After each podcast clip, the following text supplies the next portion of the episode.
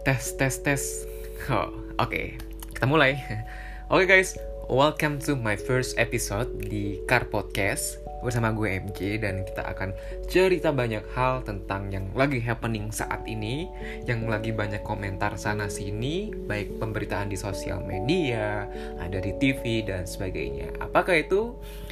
Hmm, hari ini kita mau ngomongin masalah PPKM dan drama-dramanya. PPKM atau pemberlakuan pembatasan kegiatan masyarakat di mana kebijakan ini dibuat oleh pemerintah kita, pemerintah Indonesia untuk menanggulangi masalah pencegahan wabah COVID-19 yang saat ini kayaknya makin ini ya, makin menyedihkan kalau misalnya lihat di pemberitaan. Kita tahu bahwa COVID ini kan udah startnya itu dari tahun 2020 awal kalau nggak salah itu di bulan Maret per tanggal 1 ya. Uh, gue ingat banget waktu itu dan sampai saat ini ternyata belum juga selesai. Begitu menyedihkan dan banyak sekali cerita-cerita menyedihkan yang sudah kita alami udah hampir 2 tahun ini. Nah, uh, kali ini kita mau bahas tentang PPKM, PPKM di mana khususnya di, di daerah Jakarta ya sudah diberlakukan oleh Gubernur DKI Jakarta Bapak Anies Baswedan. Startnya itu dari tanggal 3 kemarin sampai dengan tanggal 20 dan juga ini mungkin berlaku nasional ya uh, ditetapkan oleh pemerintah kita Bapak Presiden Jokowi. Nah banyak sekali kejadian-kejadian yang mungkin bisa kita bilang kayak drama-drama yang terjadi selama PPKM berlangsung dan sebetulnya PPKM ini kan sudah diterapkan oleh pemerintah kita sudah sejak awal pada saat COVID masuk di Indonesia. Nah mungkin Uh, kemarin di awal tuh sangat luar biasa, angkanya naik tinggi, masih sangat ketat sekali. Kemudian kita sempat melewati fase yang sudah mulai turun dan semuanya kita kembali ke new normal. Kayak beberapa restoran, kemudian mall semua sudah mulai beroperasi, perkantoran juga sudah mulai beroperasi dengan menerapkan WFA WFO. Kemudian minggu lalu, sekitar dua minggu lalu, mungkin di dalam bulan inilah ya, uh, bulan Juni dan Agustus eh bulan Juni dan Juli. Sekarang COVID-19 naik lagi dengan masuknya dua varian baru. Dua varian baru yang kita sebut dengan Delta dan Kappa. Apa itu? Gue juga nggak tahu itu jenisnya bagaimana. Nah melihat perkembangan yang saat ini kayak makin bahaya dan COVID pun sangat uh, luar biasa meningkatnya Nah, makanya diberlakukanlah PPKM darurat itu start dari tanggal 30 Juli eh start dari tanggal 3 Juli sampai dengan tanggal 20 Juli. Nah, untuk wilayah di sekitar Jakarta seperti Depok, uh, Tangerang, Bekasi, kemudian ada Bogor, itu luar biasa, luar biasa PPKM daruratnya sangat gimana ya, banyak banget eh, cerita-cerita uh, yang kita bisa lihat di sosial media, di TV, penutupan jalan penutupan jalan akses semua kita nggak bisa masuk ke Jakarta begitu juga dengan warga Jakarta nggak bisa masuk ke Depok, Bogor, Tangerang dan Bekasi. Nah kebetulan gue ini tinggalnya di Depok guys tinggal di Depok ketika kan dan kantor gue itu ada di daerah Jakarta Pusat. Nah ketika gue mau ke kantor gue harus melewati biasanya gue melewati namanya Jalan Margonda kemudian terus Lenteng Agung Pasar Minggu Tebet dan seterusnya atau kalau misalnya gue mau cepat biasanya gue lewat jalan tol jalan tol baru di tol Raya Sawangan kemudian ke Antasari Blok M dan langsung Sudirman Tamrin dan nyampe di kantor. Nah kebetulan hari Senin lalu itu kan adalah hari yang hari pertama pemberlakuan PPKM Day PPKM darurat itu untuk bekerja gitu kan. Nah Kebetulan kantor gue ini adalah BUMN yang bergerak di bidang pangan di mana masuk ke dalam perusahaan-perusahaan yang disebut sebagai perusahaan yang esensinya itu adalah untuk ada tukang bakso. Kebetulan rumah gue itu sebelah itu pinggir jalan, pinggir jalan umum jadi sering banget uh, mobil gede ataupun bakso tuh contohnya tuh lewat. bang atau bang. Oke. okay. Nah, jadi gue tuh ngelewat uh, perusahaan gue itu adalah perusahaan esensi yang menjaga pangan nasional. Kita ditugaskan oleh pemerintah untuk menjaga pangan nasional, pangan nasional uh, selama pandemik ini berlangsung ya kan. Nah, jadi kita tuh tetap masuk. Nah, kemarin hari Senin gue mencoba melewati jalur Margonda. Pemberitaan kemarin di, di Depok terkini, mungkin di Jakarta Info, Jakarta Info itu Depok itu chaos waktu pada saat hari pertama di hari Sabtu itu penerapan ppkm darurat kita orang Depok itu nggak bisa ke Jakarta begitu juga dengan sebaliknya orang Jakarta nggak bisa ke nggak bisa masuk Depok. Nah di hari Senin gue coba ngelewat jalur sana dan ternyata di Margonda lolos nih. Oke okay, it's okay gue bisa lewatnya ya. Gue bawa mobil waktu itu.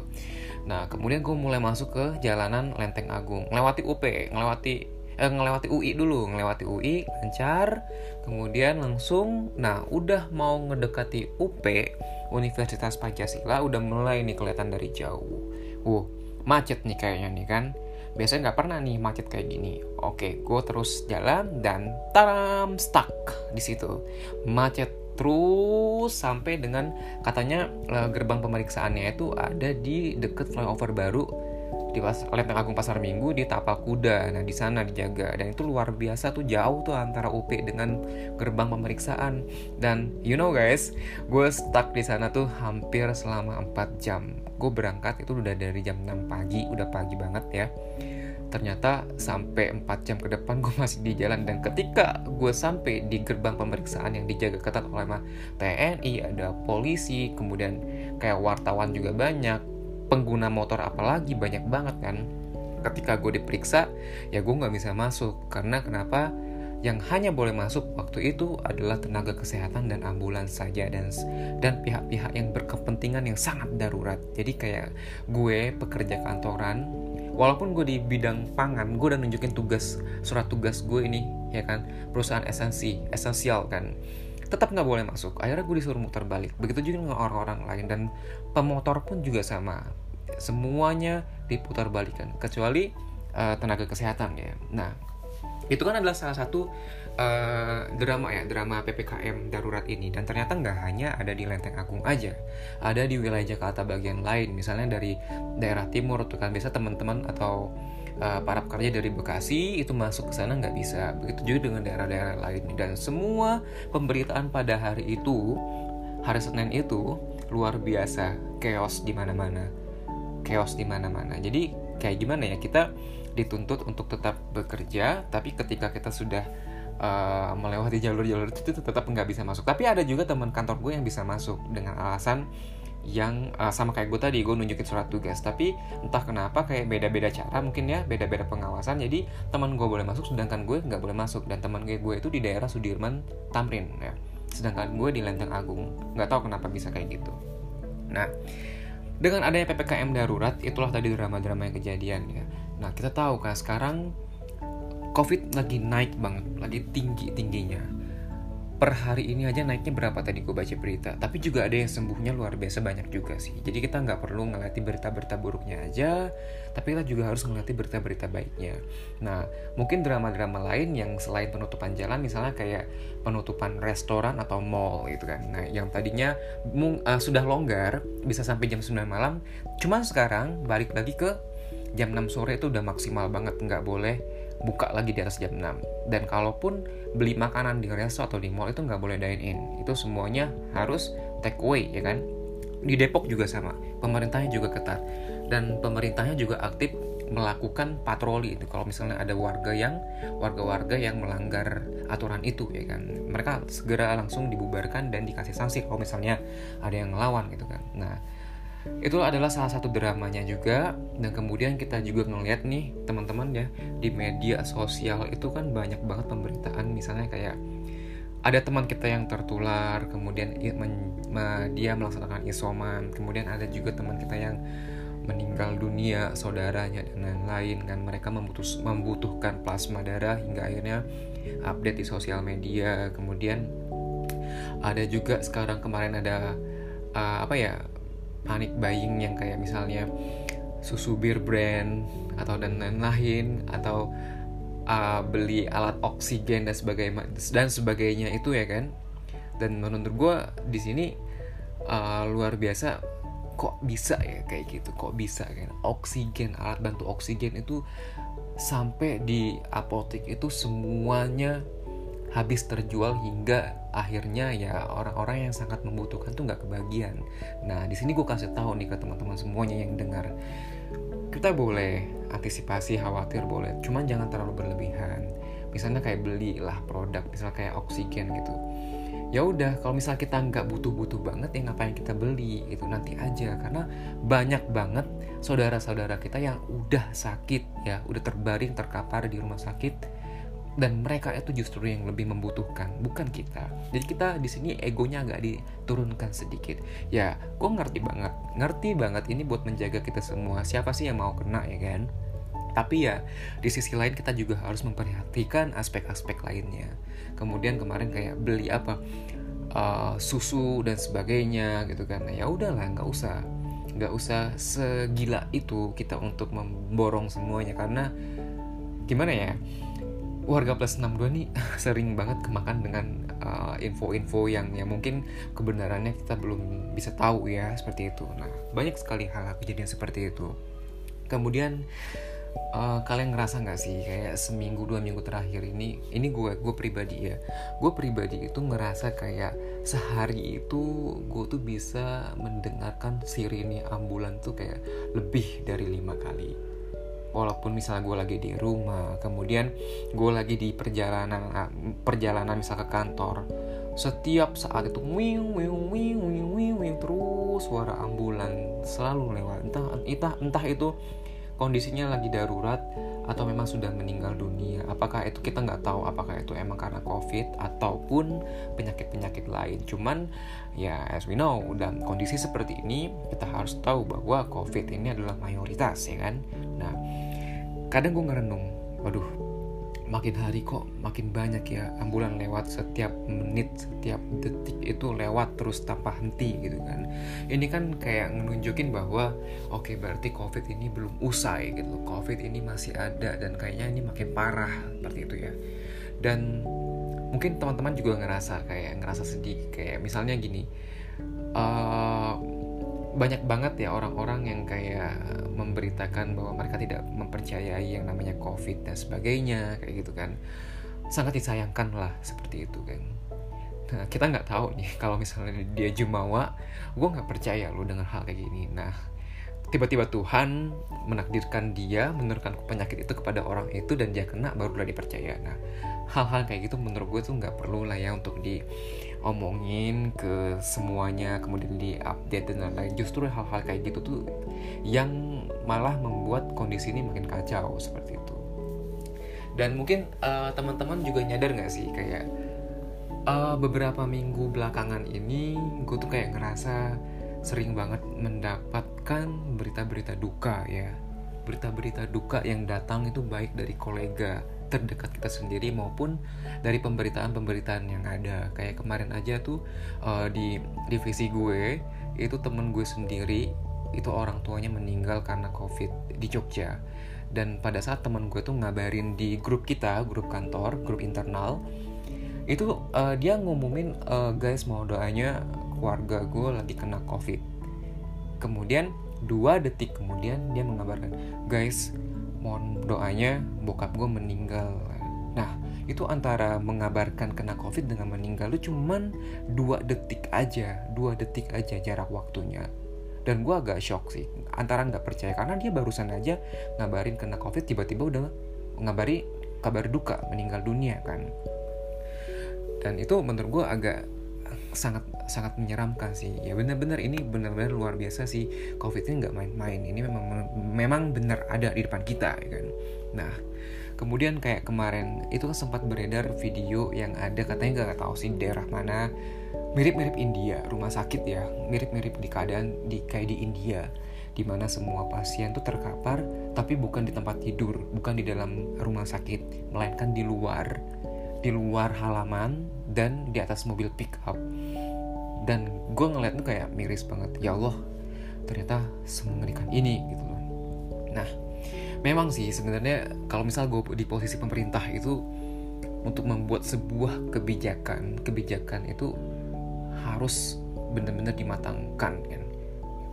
Dan gue yakin pemerintah mengeluarkan kebijakan itu bukan atas ya udah gue keluarin nih gitu kan. Enggak pasti dia uh, pemerintah udah mempertimbangkan aspek-aspek lain gimana nih gue harus mengeluarkan ini tapi gue harus memperhatikan A B C dan D. Pasti semua itu udah dipikirkan oleh pemerintah kita. Nggak mungkin pemerintah asal keluar kebijakan aja. Nah sekarang tinggal gimana caranya kita menjalankan kebijakan itu dan gimana caranya kita untuk selalu apa ya selalu mendukung pemerintah dalam menangani masalah covid ini. Jujur aja sih menurut gue ini uh, luar biasa nih. Satu bulan belakangan ini covid nggak main-main dan menurut gue ya luar biasa kayak teman gue itu banyak yang kena banget dan apalagi ya kayak dalam satu minggu itu ya di kantor kita tuh bisa kayak 20-an orang kena bahkan bahkan melebihi satu hari itu nambah kayak tiga nambah dua terus dan terus nah itu adalah kabar negatifnya tapi di lain itu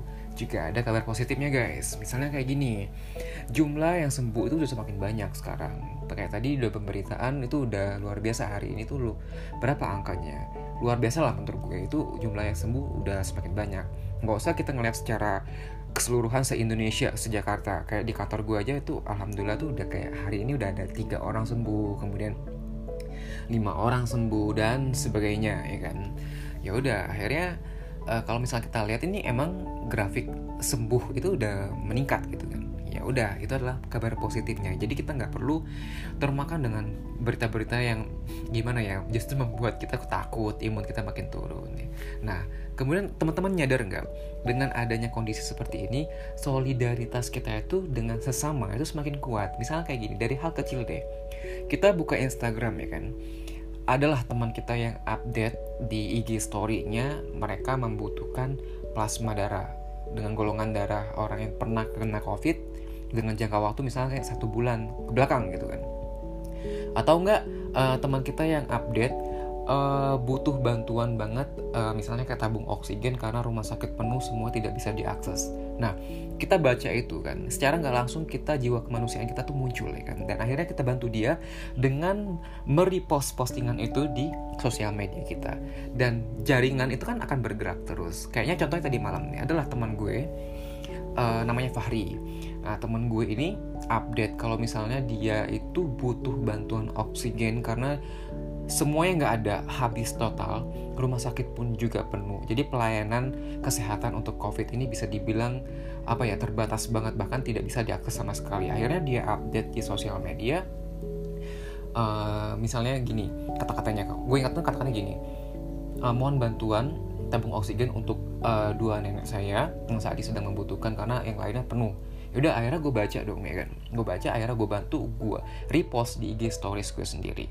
Dan alhamdulillahnya setelah gue repost ada teman gue yang replay postingan gue dia ngasih tahu di sini di sini di sini di sini ya kan? Oh yaudah akhirnya gue forward ke Fahri. Nah kayak gitu kan membantu nah, secara nggak langsung tuh solidaritas kita tuh sesama tuh kayak oh ini ya hikmahnya ya. Di balik kesusahan tuh pasti akan ada aja hikmahnya yang kayak gini gitu kan. Akhirnya semakin kuat nih. Atau contoh lain begini teman kita kena covid akhirnya kita kirim dia makanan ya kan? Nah ini bukan maksudnya untuk ria ya. Teman kita yang terkena covid kemudian dia uh, update di IG stories. Update IG stories itu uh, postingan bahwa dia dikasih makan oleh seseorang. Dan say thank you thank you so much for A udah ngirimin gue semoga rezekinya lancar dan lain-lain. Nah sebenarnya ini bukan buat eh, lomba-lomba uh, buat ria-riaan atau gimana ya? Enggak gue nggak ngeliat di sisi itu gue ngeliat di sini solidaritasnya kita memberi ya kan? Mensupport each other mensupport satu sama lain hingga akhirnya orang yang kita support itu dia merasa happy ya akhirnya imunnya juga imunnya juga naik. Nah itu sebenarnya posisi posisi posisi eh menurut gue uh, posisi keadaan di mana keadaan sulit akan muncullah yang hal-hal positif yang seperti itu solidaritas kita sesama. Gue salut sih sebenarnya dengan orang-orang Indonesia khususnya teman-teman gue ya. Kita kayak saling membantu gitu loh. Ada yang kesusahan di masa pandemi kita saling bantu support gitu kan. Cari kayak misalnya kemarin ada so, apa ada ada teman gue bang Yasir Nenek yang dia membantu warga Adonara dan sebagainya dalam kegiatan sosial dengan kegiatan komunitas sosial sepedanya membantu yang terkena bencana kemudian ada juga terkena covid dan gue tahu banget ini teman gue bang Nini ini pada saat dia lagi bertugas pada saat bencana di Adonara dia juga terkena covid hingga akhirnya masuk ke masuk ke wisma atlet. Dan dia di sana uh, ketemu dengan semua tenaga kesehatan kemudian pasien dan sebagainya. Dan dia membuat berita karena emang teman gue ini adalah news anchor di salah satu stasiun TV dia buat berita melalui cerita kecilnya di sosial media dan melalui sosial media itulah akhirnya kita tahu bahwa ternyata di Wisma Atlet itu enggak se menakutkan itu suasananya. Memang ya memang itu adalah tempat iso isoman dari pasien covid tapi di dalam itu banyak banget aktivitas-aktivitas yang menyenangkan. Dan itu ada misalnya kayak senam bersama bareng-bareng kemudian ngobrol uh, tapi tetap dengan prokes ya antara pasien dan sebagainya. Jadi ketika di wisma itu yang tadinya orang itu nggak kenal akhirnya karena sesama pasien akhirnya mereka kenal dan menjadi sahabat dan menjadi saudara. Nah itu sebenarnya positif positif adanya kejadian seperti ini dan dan sekarang kan kita uh, gencar-gencarnya Indonesia itu sedang vaksin ya kan? Nah vaksin ini sangat di sangat diwajibkan oleh kita supaya kita gimana ya kalau misalnya mau dibilang kita supaya kita tidak tidak kena corona juga nggak bisa juga sih karena banyak case-nya ya orang sudah kena orang sudah vaksin tetap kena corona gitu ya. Nah untuk meningkatkan imun kita supaya tidak mudah terkena covid ya kan. Nah, untuk semuanya wajiblah vaksin. Jangan takut jangan termakan dengan berita-berita yang katanya setelah vaksin ada yang meninggal dunia atau sebagainya. Enggak enggak pemerintah nggak akan sejahat itu ke kita. Ini semua adalah demi kebaikan kita. Jadi himbauan semuanya segeralah vaksin. Dan ini adalah salah satu bentuk ikhtiar kita. Semoga dengan kita melaksanakan vaksin ya covid ini dapat dapat diatasi dengan baik-baik. Diatasi dengan secepatnya kok dengan baik-baik sih. Agak grogi nih gue. Karena ini udah lama nggak podcast akhirnya gue episode 1 mulai lagi. Dan sendirian lagi nggak sama teman-teman gue. Nah guys mungkin itu aja sih sedekah apa sedekah. Uh, sharing sharing kecil dari gue. Gimana ya kita sama-sama tahu sekarang kita lagi kondisi yang sedang susah ya kan? Kita semuanya uh, harus gencar-gencarnya menjaga protokol kesehatan untuk diri kita sendiri maupun orang lain.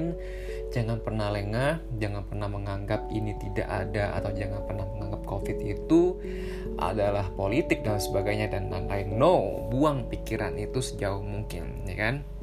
Ini ada nyata kan. Marilah kita apa ya berpegangan tangan bersama-sama kita perangi COVID kita tolong sesama, bantu, saling membantu saudara-saudara kita yang sedang menyus sedang sedang menyusah, sedang apa ya, sedang kesusahan. Kita hibur mereka yang saat ini sedang terbaring di tempat rumah sakit atau sedang isoman, yang teman-teman sedang terinfeksi dan sebagainya. Kita hibur mereka, teman-teman yang ditinggal oleh orang-orang yang mereka sayangi dan sebagainya. Marilah kita berdoa, semoga COVID ini cepat berlalu dan bangsa kita Indonesia dan seluruh dunia pulih kembali dan siap menghadapi kehidupan yang baru dengan sehat. Oke, sekian sedikit cerita dari gue, dari gue MJ. Semoga apa yang gue sampaikan bisa berguna nih bagi semuanya. Dan kita saling sharing aja, oke? Episode 1 di Car Podcast. And see you!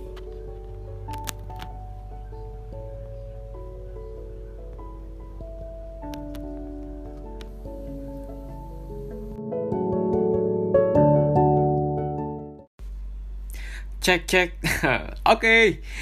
Halo guys, apa kabar? Selamat apa nih? Selamat sore, selamat malam. Ini gue lagi recordingnya jam setengah lima. Oke, okay, selamat sore aja. Selamat sore semuanya. Balik lagi ke gue MJ di episode kedua. Sebagaimana dengan uh, tagline-nya Card Podcast itu adalah flashback saat ini dan akan datang. Nah, pada hari ini gue akan cerita, ngajak kalian cerita tentang flashback nih flashback di zaman tahun 90-an. Tentang apakah? Tentang film-film kartun kebanggaan kita. Mungkin di antara teman-teman ada yang tahun 90-an maka kita sefrekuensi ya nyelip-nyelip dikit adalah anak-anak yang 80-an 87, 88, 89 dan seterusnya pasti masih nyambung lah dikit. Nah, kalau misalnya ada pendengar yang di luar angkatan 90-an, 2000-an ya saatnya kami memperkenalkan inilah kartun-kartun di zaman kami yang hits dan populer pada tahun 90-an. Wih, tepuk tangan. nah, untuk merefresh ingatan kita, nah kali ini gue mau ngajak teman-teman ngedengerin beberapa soundtrack lagu kartun di tahun 90-an. Yuk, kita denger bareng-bareng yuk. One, two, three.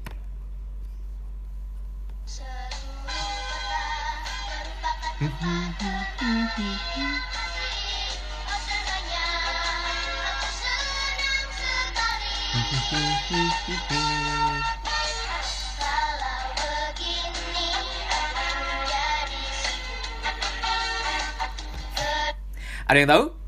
Ya, betul sekali. Si nakal Crayon Shinchan. Oke, okay, next.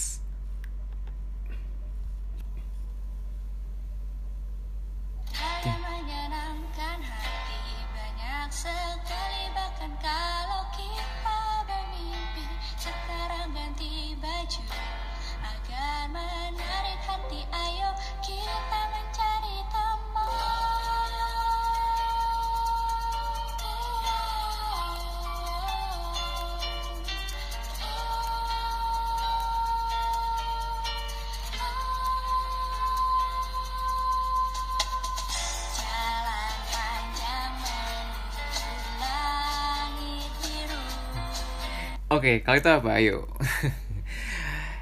ini adalah Chibi Maruko-chan. Nah, kalau Chibi Maruko-chan ini yang gue ingat tuh yang paling lucu itu kenapa ya nih kartun jalannya kepalanya miring-miring. Badannya ke mana, palanya miring-miring. ini kan sebuah keluarga kecil yang ada kakek neneknya, kemudian ada nggak keluarga kecil juga sih, keluarga besar ya yang ada kakek nenek, kemudian ada ayah ibu, ada kakaknya dan teman-temannya Chibi Maruko-chan dan menurut saya sih kok menurut saya resmi banget. menurut gue sih ini kartun kartun keluarga banget. Kalau kalau sebenarnya kalau kayak Shinchan tadi juga kartun keluarga. Nah, yang diingat sama Shinchan ini kan adalah uh, ini anak bocah tapi porno banget gitu ya nggak tahu kenapa ya dan ada karakter-karakter teman-temannya juga sama ada yang kayak si Bo yang selalu ingusan dan Nene yang selalu centil dan bahagia kemudian mama ya Shinchan yang energik dan galak banget ditambah dengan guru-gurunya Bu Guru Yoshinaga dan sebagainya dan kalau Chibi Maruko-chan itu emang keluarga banget lah pokoknya. Oke, kita lanjut yuk. Next lagu ada apa lagi nih? Yeah. Hmm.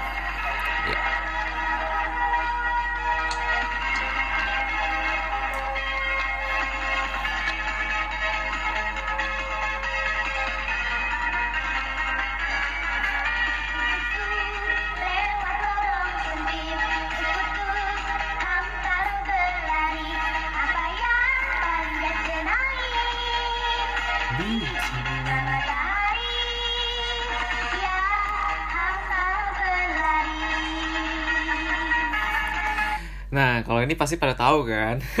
ya, betul sekali ini Hamtaro. Hamtaro ini apa ya? Hamster ya. Hamster yang unyu-unyu imu-imut banget lah pokoknya. Kesukaannya adalah memakan biji bunga matahari. Yang gue ingat tuh kayak ada yang namanya Ribbon ya. Ribbon itu kayaknya yang disukai sama Hamtaro. Terus siapa sih tuannya ini juga karakter gadis cantik. Begitu juga dengan keluarganya yang lain. Nah, ini kan kalau gue ingat sama Hamtaro. Terus ada ini nih yang pasti semua tahu lah, nggak ada yang nggak tahu.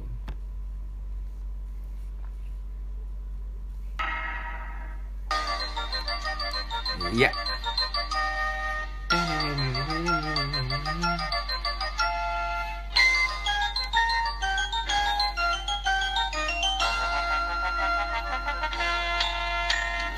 Aku ingin ingin begitu, ingin ingin ingin itu banyak sekali. Semua semua semua dapat dikabulkan, dapat dikabulkan dengan kantong ajaib. Aku ingin terbang bebas di angkasa. Hai, balik-balik bambu. La la la, aku sayang sekali. Oke, siapa yang nggak tahu sama Doraemon? Sebuah kartun animasi juga mencer- menceritakan keluarga juga, ada nilai keluarga di dalamnya. Dan kebahagiaan, sedih semua ter- tercampur jadi satu ya di dalam cerita narasi. Eh, narasinya kartun Doraemon ini. Dan menurut gue Doraemon itu seperti tidak lekang oleh waktu dari masa ke masa. Selalu ada bahkan yang sampai sekarang pun eh, kemarin bulan-bulan lalu gue juga nonton di bioskop tentang eh, Doraemon yang udah dewasa, dia menikah dengan Shizuka dan sebagainya. Dan menurut gue sih Doraemon, Doraemon ini salah satu kartun yang sampai saat ini tidak bisa digantikan di hati penggemarnya kita semua. Dan ya kita tahu kan kalau misalnya Doraemon nih eh, dengan karakter seperti itu ada si Nobita yang yang gimana ya yang ya menurut kita beda banget lah ya sama Dekisuki Shizuka juga cantik dan ini dan ternyata mereka jodoh loh. Wow luar biasa. Aduh, keluarga keluarga ada Giant juga ada Suneo dan sebagainya. Dan menurut gue sih Doraemon tidak akan pernah terlupakan dan selalu ada di hati. Ini karyanya Fujiko F. Fujiyu dan sayangnya uh, pengisi suaranya uh, si Doraemon Ibu Nur Hasanah udah meninggal guys. Jadi kita doakan untuk beliau Gue yakin pahala si Ibu Nur Hasanah ini banyak banget karena sudah menghibur semua anak di Indonesia. Yuk, kita lanjut lagi. Ada apa lagi ya kira-kira?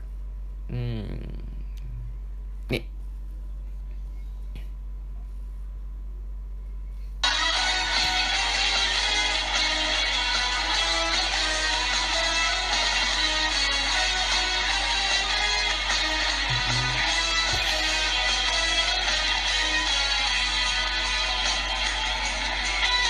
Ada yang tahu nggak? Ayo maju. Mobilku melaju cepat. Hmm. Dengan membawa impianku Semangatlah. Semangatlah. Untuk melaju lebih cepat. Esok hari cerah menanti Oke, yang dulu cita-citanya jadi montir pasti tahu lah apa ini. Ya, apalagi kalau bukan Let's and Go. Soalnya ini tentang mobil Tamiya nih, gue suka banget nih. Jadi zaman dulu guys, waktu gue masih kecil, gue suka nonton Let's and Go tentang Tamiya. Dan seketika Tamiya itu waktu itu booming banget. Akhirnya ya gue beli juga mobil Tamiya. Gue dulu punya dua, Max Weber sama Magnum. Nah yaudah akhirnya gue rakit-rakit tuh berasa jadi montir profesional Beli satu perangkat alat-alatnya Kemudian gue buatlah gue menjadi super duper luar biasa. Dan waktu itu kalau nggak salah sering banget uh, adanya apa kayak diadain acara-acara lomba-lomba Tamiya mobil balap Tamiya champion ada ada apa ya ada jalurnya itu apa sih namanya? Gue lupa astaga. Ya pokoknya ada itulah ya pokoknya ada sirkuitnya khusus dan itu pun sirkuitnya ada yang bentuk angka 8, ada yang meliuk, meliuk, meliuk kayak kelok 44 yang ada di Padang. dan itu ada champ ada, ada apa ada lombanya juga ada eventnya setiap setiap bulan. Bahkan tuh dibuat kayak misalnya antar antar sekolah juga ada. Tuh sekolah ini melawan sekolah ini Tamiya akhirnya nanti uh, pada saat dia ketemu final nih ada dua mobil. Itu seru banget zaman itu. Wah pokoknya pokoknya apa ya uh, luar biasa lah. Tamiya itu ketika gue menang dan berhasil merakit uh, Tamiya wah kebanggaan sendiri gue bisa menjadi montir handal waktu itu ya.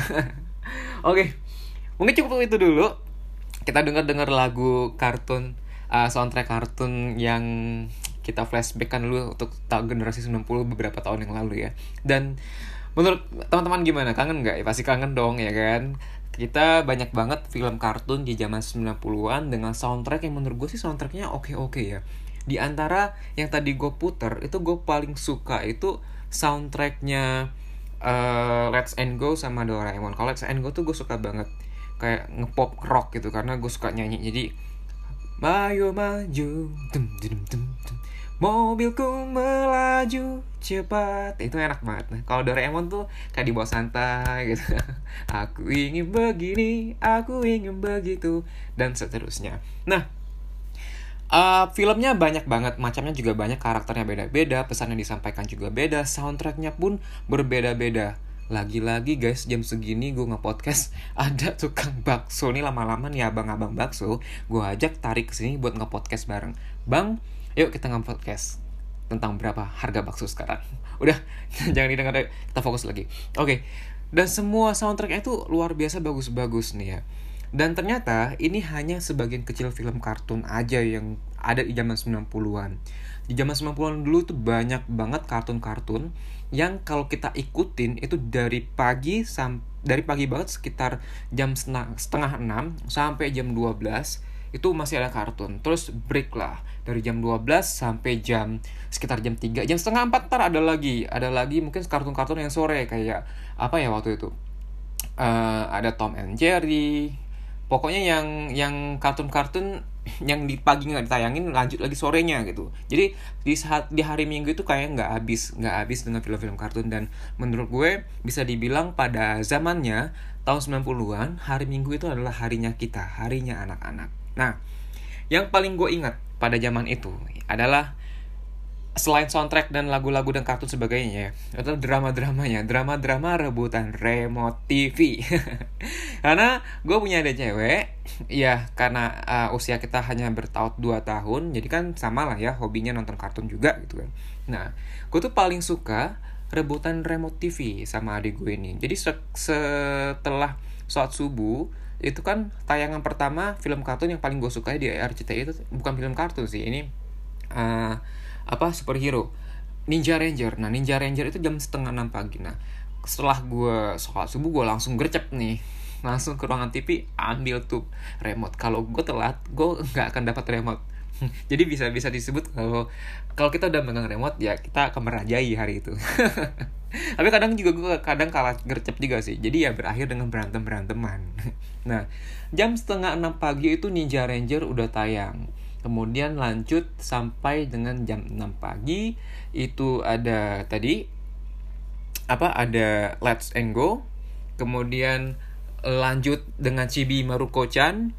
Kemudian Doraemon, Crayon Shinchan, terus Ninja Hattori dan terus sampai selesai jam 12. Nah, FYI guys, gue nggak mandi dari pagi. Karena malas banget mager. Karena kenapa? Gue nggak mau ketinggalan gitu. Nggak mau ketinggalan cerita kartunnya. Jadi kalau misalnya gue mandi kan nanti bakal banyak banget part-part film kartun yang ketinggalan. Jadi gue mes gitu. Jadi gue nggak mau mandi sampai selesai. Bayangin aja tuh bau-bau nggak sih? Bau iler tuh. Nah yaudah akhirnya gue sambil sarapan kemudian kemudian uh, ya udah nonton enjoy gitu kan sama adik gue akhirnya adik gue ngalah kalau misalnya gue dapat remote duluan. Nah drama berikutnya adalah pindah channel. Karena kenapa sering banget dan bahkan uh, film kartun yang kita favoritkan itu tayangnya bersamaan dengan di channel sebelah. Misalnya kayak sebutin aja Indosiar. Ada Conan kemudian ada apa uh, Anpaman dan sebagainya. Dan suka bareng nih. Udah akhirnya uh, ganti-gantian. Setelah ini selesai break loncat ke sini. Terus sini selesai loncat balik lagi ke sini. Terus dan terus dan terus. Nah, begitulah keseruan uh, dari kartun-kartun kita tahun 90-an itu menurut gue luar biasa banget ya tayangan di TV itu sangat menghibur banget. Seakan-akan TV itu memberikan kepada kita anak-anak hari ini eh, this is your day this is your day. Lo nggak boleh ke mana-mana. Yaudah lo harus stay aja di rumah. Nonton dari pagi sampai sore. Ini gue kasih nih kartun-kartun banyak gitu kan. Nah kalau misalnya kita suara teriakan anak siapa tuh? Kalau misalnya kita bandingkan film-film kartun zaman dulu dengan zaman now wah menurut gue sih alangkah beruntungnya kita ya karena zaman sekarang tuh film kartunnya dikit. Dikit banget. Nah kayak sekarang aja nih kalau misalnya gue suka ngelihat net TV itu adalah kartun Korea juga. Ada Conan juga sekarang masih ada. Uh, kalau RCTI itu mungkin adalah hari Minggu tapi cuman Doraemon doang kalau nggak salah ya. Gue udah lama banget nggak nonton uh, apa kartun di TV ya.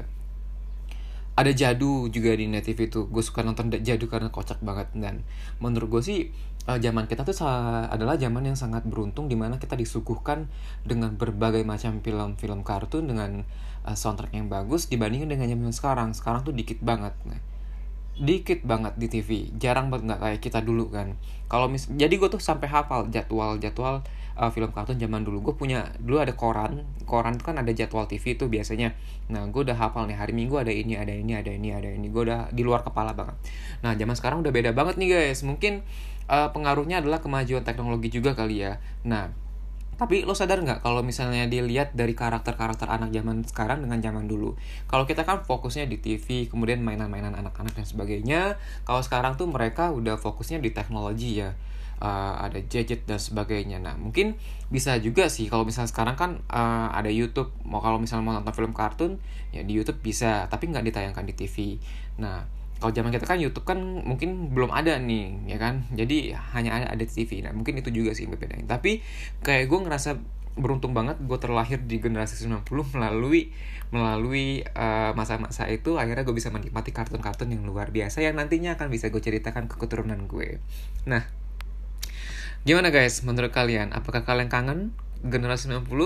Apakah kalian ingin balik ke masa-masa itu? Kalau gue sih mau banget kalau misalnya dikasih kesempatan.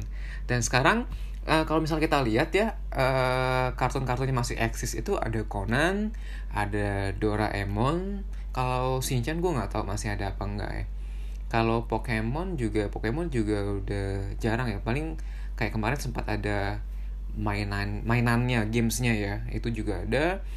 Dan apalagi ya kayaknya yang, yang bertahan cuma itu-itu aja sih. Kayak beberapa ada tayangan ulang sih. Tom and Jerry juga kayak misalnya beberapa tayangan ulang nggak kayak dulu yang rutin setiap uh, minggu itu beda-beda, beda-beda ceritanya kan. Nah, uh, gue pengen banget sih kayaknya balik ke zaman dulu. Kadang misalnya kayak gue suka flashback di YouTube, gue akan cari uh, apa film-film kartun zaman dahulu. Jadi gue tonton ulang seperti itu. Termasuk ya lagu-lagu tadi. Biasanya gue kalau misalnya lagi nyetir uh, di mobil gitu kan, gue lagi bosen dengan lagu-lagu sekarang. Ya udah akhirnya gue iseng buat dengerin lagu-lagu soundtracknya film kartun. Jadi kayak uh, mengingatkan memori masa-masa kecil waktu itu. Kalau misalnya mau diingat tuh banyak banget sih cerita-ceritanya. Jadi kayak gue sampai bisa bolos buat ngaji, bolos buat les hanya demi nonton film kartun. Gue cari alasan banyak. Uh, mama aku sakit perut. Padahal enggak gitu. Padahal tujuan gue adalah nonton film kartun dan sebagainya. Jadi kayak gue tuh demi kartun gue bisa menolak ajakan teman gue buat main kemudian acara keluarga gue nggak mau ikut. Gue maunya di rumah aja. Karena kenapa? Tayangan kartun lebih menarik dibandingin kumpul acara keluarga pada waktu itu. Iya sih seru banget sih semuanya. Uh, ya uh, mungkin dari teman-teman ada yang mau sharing nanti kapan-kapan lah ya kita boleh sharing bareng tentang flashback di uh, masa-masa kita kecil. Mungkin nggak hanya masalah film kartun aja abang bakso lewat lagi. Lama-lama ntar gue minta endorse nih bang. Ya mungkin gak hanya film kartun aja tapi juga mungkin permainan tradisional nanti akan gue bahas di masalah flashback kita uh, untuk generasi 90-an uh, film-film di zaman dulu telenovela di tahun-tahun kita seperti Maria Belen, Betty La Fea dan sebagainya mungkin akan gue bahas juga. Oke, sekian dulu untuk di episode 2 ini flashback tentang film kartun dan soundtrack-soundtracknya Oke, sampai jumpa di episode 3 uh, gue nanti nggak tahu akan ada topik apakah apakah tentang flashback masih dengan flashback ataukah dengan hashtag saat ini ataupun masa datang. Ya nanti kita akan uh, terus bercerita biasanya gue akan uh, publish uh, podcast ini setiap hari Rabu jam 7 jam 7 malam uh, gue upload di Anchor dan juga di Spotify jadi teman-teman juga bisa dengar oke okay? Oke teman-teman sampai di sini dulu perjumpaan kita. Thank you udah dengerin celoteh gue mungkin gak ada gunanya. ya semoga kita selalu dalam keadaan sehat walafiat dalam kondisi seperti ini. Stay safe, jangan lupa olahraga, tidur yang cukup, istirahat cukup, dan makan yang teratur. Oke, stay safe and stay healthy. Thank you everyone.